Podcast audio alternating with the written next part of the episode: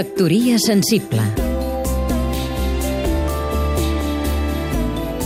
Rafel Vallbona, escriptor i periodista. Amb el pastís amenaçat de tancament, el Marsella vivint a precari, el Pipa Club mudant-se a Gràcia i el record cada dia més llunyà d'aquell amic pianista dels últims dies de la bodega bohèmia, els darrers vestigis d'aquella vida precària, desordenada, idealista i literària, coneguda genèricament com la bohèmia, i que Barcelona va perfilar un paradigma de societat artística i cultural, es llengueixen com una espècie animal en vies d'extinció.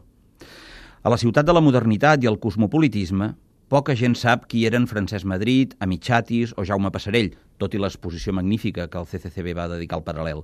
Ja ho sé que eren personatges d'un altre temps, de quan Barcelona tot just s'obria al món i els cafès concert, les putes, copletistes, comedians i periodistes començaven a escriure nit a nit el relat contemporani d'una ciutat que tot just enderrocava les muralles. Però també és cert que, que aquella manera idealista i vital d'entendre l'art i la cultura va conformar un model de civilització barceloní de bars, matinades i gresques, no sempre en final feliç, propi i original de la ciutat, un model del qual aviat ja no en quedarà ni el record. A la Barcelona del turisme i el negoci global no hi ha lloc per a una cultura urbana de digressió i ritme pausat. De fet, fa nosa i se la fa fora.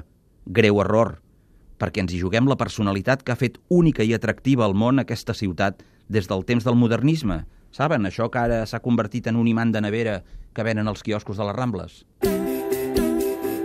Factoria sensible Seguim-nos també a catradio.cat